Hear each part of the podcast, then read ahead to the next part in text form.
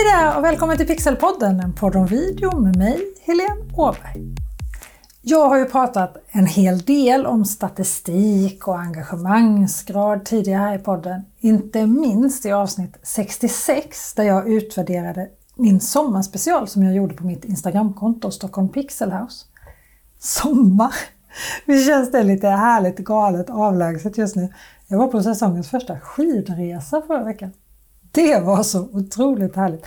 Men statistik på antalet skiddagar, höjdmeter och så vidare, det är inte riktigt det vi ska prata om här. Utan statistik på sociala medier. För det är lätt att se sociala medier som ett numbers game. Att det bara handlar om antal följare, antal kontakter, antalet likes och så vidare. Men det är ju egentligen inte det vi vill mäta. För det vi vill mäta är ju effekten av vårt arbete i sociala medier. Vad får du tillbaka av den tid du lägger ner? Mer än att egot kanske mår bra av många likes. Vad ger fler leads? Vad är det som ger fler kunder? Vad ger mer försäljning av en vara eller en tjänst? Varje inlägg i sig kommer inte att sälja. Men säg på en tre månaders period så måste du ju förstås få ut någonting av ditt arbete. Annars är ju inte antalet följare eller antalet likes värda någonting. Då är det bara så kallad vanity metrics. Alltså mätvärden som tilltalar fåfängan. Jag har själv inte varit speciellt intresserad av statistik tidigare, men ju mer jag tittar på statistik desto mer intresserad blir jag för där finns ju så mycket värdefull information. Det blir liksom lite svart på vitt och olika plattformar ger oss olika mycket information såklart. Men det som är så roligt med video, det är att du kan se så mycket om plattformen nu ger dig det. Du kan ju till exempel i ett textinlägg inte se när din följare eller din potentiella kund slutar läsa.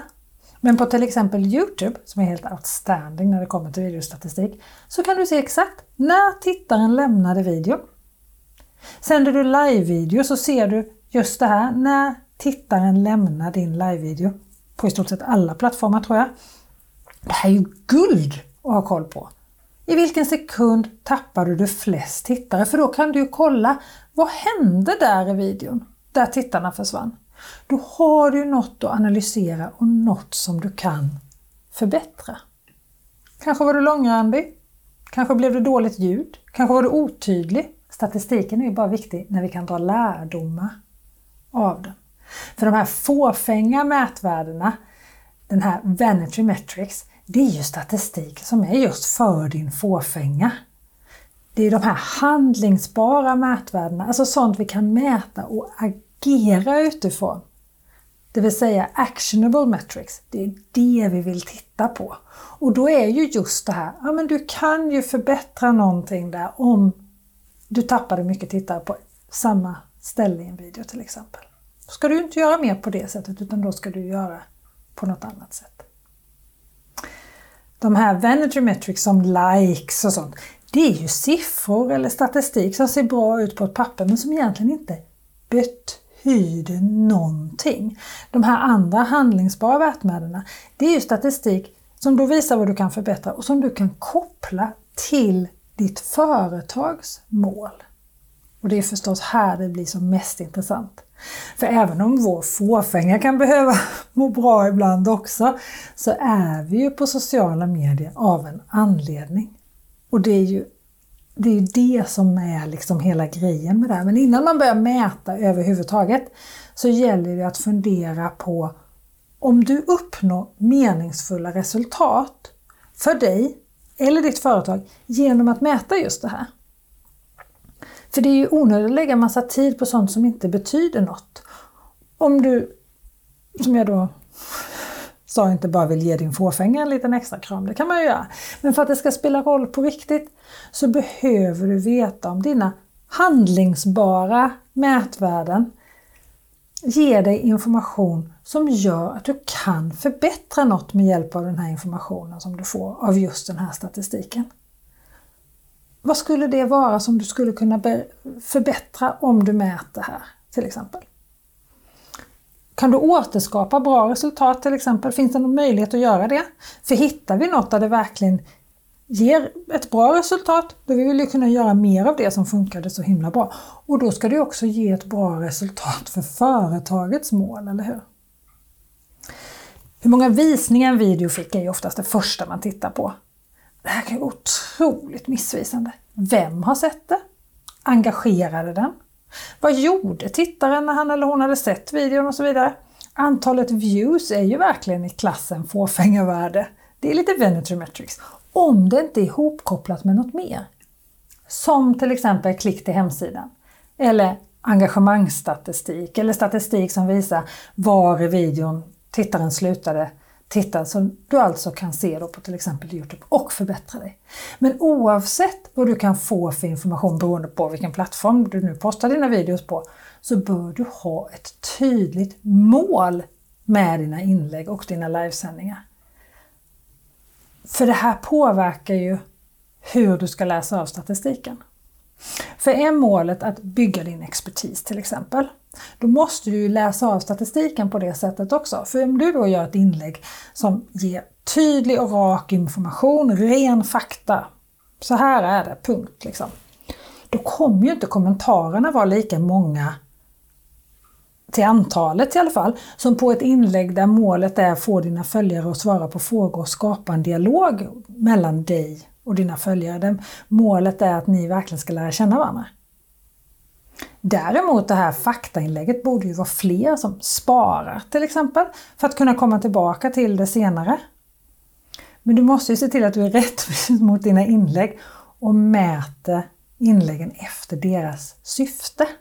Okej? Okay?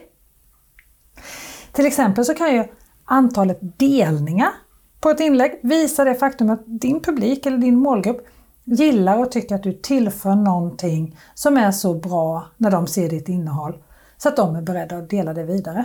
Om målet är att tillföra värde till din publik, då kan ju antalet delningar vara jättebra statistik att ha koll på. Går det upp och går det ner? Har du fått fler delningar sedan du började göra någonting? Eller har du fått färre? Har de här delningarna lett till att antalet följare har ökat, därmed antalet kunder har ökat? Vilka har det delats till? Alltså du kan ju grotta ner dig i den här statistiken i väldigt många led sen. Hur många som kommenterar dina inlägg i sociala medier kan ju också vara en värdemätare på att du engagerar dina följare. Men det är också viktigt att kolla vad de skriver i kommentarsfältet och inte bara räkna antalet kommentarer. För skriver alla bara så här, nej du har fel, nej du har fel, nej du har fel. Ja, då är det ju inte värt någonting. Eller hur? En sak som kan vara nog så intressant är att spåra var dina intäkter kommer ifrån. För till syvende och sist är det ju därför vi driver företag. Och som Linda Hörnfeldt sa när hon var med här i avsnitt 75 om personligt varumärke. Vi ska inte skämmas för att vi också behöver sälja ibland. Vi är, driver företag för att tjäna pengar. Det är inget fult med det. Det måste vi ändå komma ihåg. Men när någon kommer till ditt sociala mediekonto, då har du en prospect där. Någon som kanske kan bli en kund framöver. Någon som du kan hjälpa. För det är det det handlar om. Du, kunder får vi ju inte bara sådär. Kunder är några som vi hjälper, några som vi, vi har någonting som den här personen vill ha eller behöver. Men om du har en mejllista och den här prospekten då som blir din följare eller tittare på ditt sociala mediekonto. Signa upp sig på din mejllista. Då har ju den här prospekten övergått till att bli en så kallad lead. Men för att du ska få mat på bordet så måste den ju handla av dig också. Det måste bli en kund. Och antalet följare, det vill säga antalet prospects, är ju inte alls det viktiga om du jobbar med ett företags sociala mediekonto. Det viktiga är hur många dina följare som går hela vägen och blir dina kunder. Det är det som vi måste komma ihåg. Siffran på antal följare är bara Vanity Metrics. Så återigen, du måste ha koll på din målgrupp. Hur många gånger har jag sagt det här i Pixelpodden och på de video nu?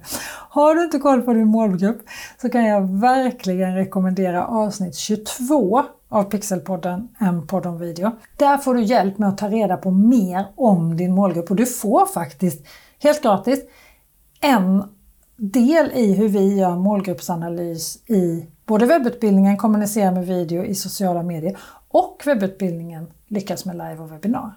Så en del av målgruppsanalysen som vi gör där får du i avsnitt 22 av Pixelpodden på någon video. Men antalet följare kan vara intressant ur perspektivet om du växer på plattformen eller om du minskar. För det indikerar ju om du fortfarande tilltalar din publik eller inte. För börjar du tappa väldigt mycket följare, då har det ju hänt någonting. Då måste du se över ditt innehåll. Men antalet följare som sådant jämför med, jämfört med dina konkurrenters antal följare, det är ju bara en siffra för fåfängan. För du har ingen aning om dina konkurrenter har köpt följare, om de har rätt följare. Och det är ju förstås viktigare att ha rätt följare än att ha många följare. Men som sagt, vad du ska titta på är ju avhängt på dina mål. Och det är ju först när du har mål med dina inlägg som statistiken blir intressant på riktigt. Uppnådde du målen? En sak som kan vara jätteanvändbart och, och eh, mäta det är ju trafiken från olika källor, olika sociala medier. Det ger ju dig en uppfattning om vilka kanaler som verkligen genererar mest trafik till din hemsida eller din landningssida om det är ett mål med dina inlägg. Om att få dina följare och tittare att ta sig till din hemsida Ja, men får du mest trafik från organiska sökningar på Google, då kanske du ska jobba mer med SEO. Får du mest trafik till din hemsida eller landningssida via Instagram, ja men då är det ju på Instagram du ska lägga krutet, eller hur? Här är ju Google Analytics ett grymt hjälpmedel för att få hjälp att mäta just det här. Det viktiga med det här arbetet är att spåra och analysera dina videos eftersom siffrorna hjälper dig att förstå vad det är som fungerar för dig och vad som inte gör det. För det som fungerar för mig behöver inte alls fungera för dig och tvärtom. För du vill ju göra mer av det som funkar. Det är ju det vi är ute efter hela tiden, eller hur? Och jag tycker personligen att Youtube är outstanding när det kommer till att analysera video. Jag tycker att det är spännande att titta på vilken eller vilka har varit mina eller min kunds bästa video. Det är ett snabbt sätt att se vad du som följer mig vill se. Och då tittar jag, när jag säger bästa video, då tittar jag så här, vilken video har flest sett hela eller väldigt mycket av? För då ser jag ju till exempel vilken typ av innehåll som behåller mina tittares uppmärksamhet. Och då ska jag göra mer av den typen av innehåll. Och få någon att titta länge på din video, det vill vi ju göra av flera anledningar. Dels för att det visar ju att vi skapar innehåll som våra tittare verkligen vill ta till sig, vill se hela videon. Vi får tittaren att lyssna och titta och ta till sig det som vi har att säga genom hela videon. Men sen är det också så att ju längre någon tittar på din video, desto mer ökar din dwell time. Det vill säga tiden någon spenderar på din kanal eller din profil, på dina inlägg helt enkelt. Och det triggar algoritmerna så att din video visas för fler. Men faktiskt så är även dwell time vanskligt mätvärde. Alla mätvärden kan vara fel om man inte tittar liksom lite djupare på dem. För ändå är det här, just det här dwell time, någonting som många, för att inte säga alla, använder sig av. Google använder det och Google hade ju när Google var nytt en ganska rolig situation som på ett sätt skulle kunna kopplas ihop med just dwell time. Jag vet inte hur mycket av den här storyn som är sann eller om det är en skröna helt och hållet. Men det är i alla fall en tänkvärd berättelse i sammanhanget. När Google var nytt så gjorde man då användartester. Det här var tidigt i Googles era. Då satt liksom personer från Google, personal från Google, satt med fysiskt i rummet tillsammans med användare framför en dator för att se hur de interagerade med webbplatsen. Idag så behöver vi ju klicka, skriva och söka direkt när vi kommer till Google. Men det gjorde man inte då. Användarna gjorde ingenting. Flera av dem bara satt där och stirrade på skärmen. Länge dessutom. Och när personalen från Google frågade vad de gjorde svarade de Jag väntar på att sidan ska laddas klart. Nu var ju detta i en helt annan tid. Det här var ett tag sedan. Det tog lång tid att ladda hemsidor på den tiden. Jag har själv suttit och kodat hemsidor i HTML där sidan först skulle laddas som en ren textsida och sen gjorde vi så att bilderna laddades in efterhand. För att man inte skulle behöva vänta så länge innan man fick någonting. Video var det inte tal om då. Men de här målgruppstesterna som Google gjorde då resulterade i att Google la till en copyright-symbol längst ner på söksidan för att visa att sidan hade laddat klart. Och än idag har Google en sidfot där nere för hemsidan. Var så naken, om man ska säga så, att många användare trodde att det fanns mer för sidan som de skulle vänta på. Och då var ju dwelltime inte alls ett bra mått plötsligt. Och idag hade nog ingen suttit kvar och väntat sådär. Vi hade klickat oss vidare direkt och lämnat sidan om vi inte trodde att den hade laddat klart. Men det är viktigt att göra liksom målgruppsanalys också och prata med sina kunder och följa och inte bara titta blint på sifferstatistiken. För det kan ju vara väldigt missvisande också. När jag tittar på vilka videos som jag tycker är bra så är det ju då dels som jag sa, videos som tittaren har sett i stort sett hela av eller väldigt mycket av. Och så tittar jag också på vilka videos som har nått många nya tittare. För då kan de ju också nå potentiella leads och potentiella kunder. Och ihop med nya tittare på just Youtube så hör ju intryck. Hur många gånger har dina thumbnails, alltså dina små tumnagelbilder, de här små miniatyrbilderna, visats för personer på Youtube? Om de har visats ofta men få har klickat sig vidare och verkligen tittat på videon, ja men då indikerar ju det att du dyker upp i folks sökningar på Youtube eller som relaterade videos. Men din tumnagel är inte bra nog för att man ska klicka sig vidare och titta på din video. Ja men då är det kanske inte SEO, alltså sökordsoptimering i texten som du behöver jobba på, utan tumnageln. Och här kan det då vara intressant att titta på klickfrekvensen på flera videos, för då kan du ju se om några av dina thumbnails eller miniatyrer är mer klickvänliga. Då ska du göra fler i den stilen. Vad är det som funkade med dem och varför är den mer klickvänlig och sådär. På Youtube kan du också se återkommande tittare. Det här är ju ett viktigt mått att spåra eftersom har du många återkommande tittare så kan du börja bygga en lojal publik även om du inte har massor med prenumeranter. Jag läste någonstans att vi är mindre benägna att prenumerera på Youtube-kanalen nu utan vi söker upp de Youtube-kanaler som vi vill titta på. Men det jag tittar med på allra, allra mest i olika sociala medier allmänt, det är engagemangsmåttet. Dels för att jag gillar att vara social. Jag älskar att prata med dig som följer mig i olika kanaler, som kommenterar mina videos och mina inlägg. Men också för att det visar vad det är som engagerar, vad som skapar relation mellan dig och mig för vi är ju i sociala medier, hela syftet är ju att vara social. Men då ser jag ju också vem det är som ser mina videos när någon kommenterar det. Vem är det som kommenterar? Vem är det som engagerar sig? Är det rätt målgrupp jag når? Både på LinkedIn och Youtube så kan du till och med se varifrån dina tittare kommer. Och för en del företag är det superviktigt att de kommer från ett visst land eller en viss stad eller så.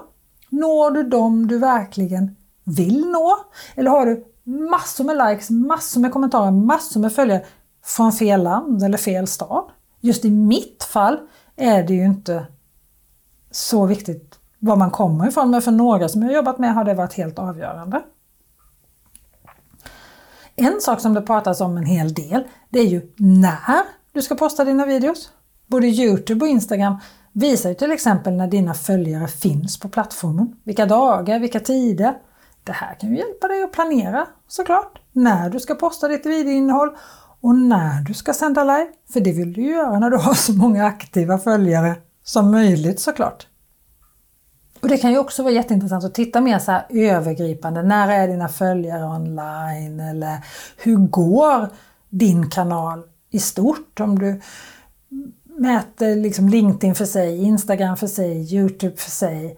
Då är det ju bra att kolla hur det går för dina konton. Inte bara hur många följare eller kontakter du har, även om det såklart är en mätpunkt som man vill ha lite koll på. För som jag sa i början, är det många som plötsligt börjar avfölja så måste du kanske se över ditt innehåll. Gör du verkligen sånt som intresserar din målgrupp? Men som sagt, det intressanta är inte antalet följare i sig utan om antalet växer eller sjunker. Det är det som är intressant.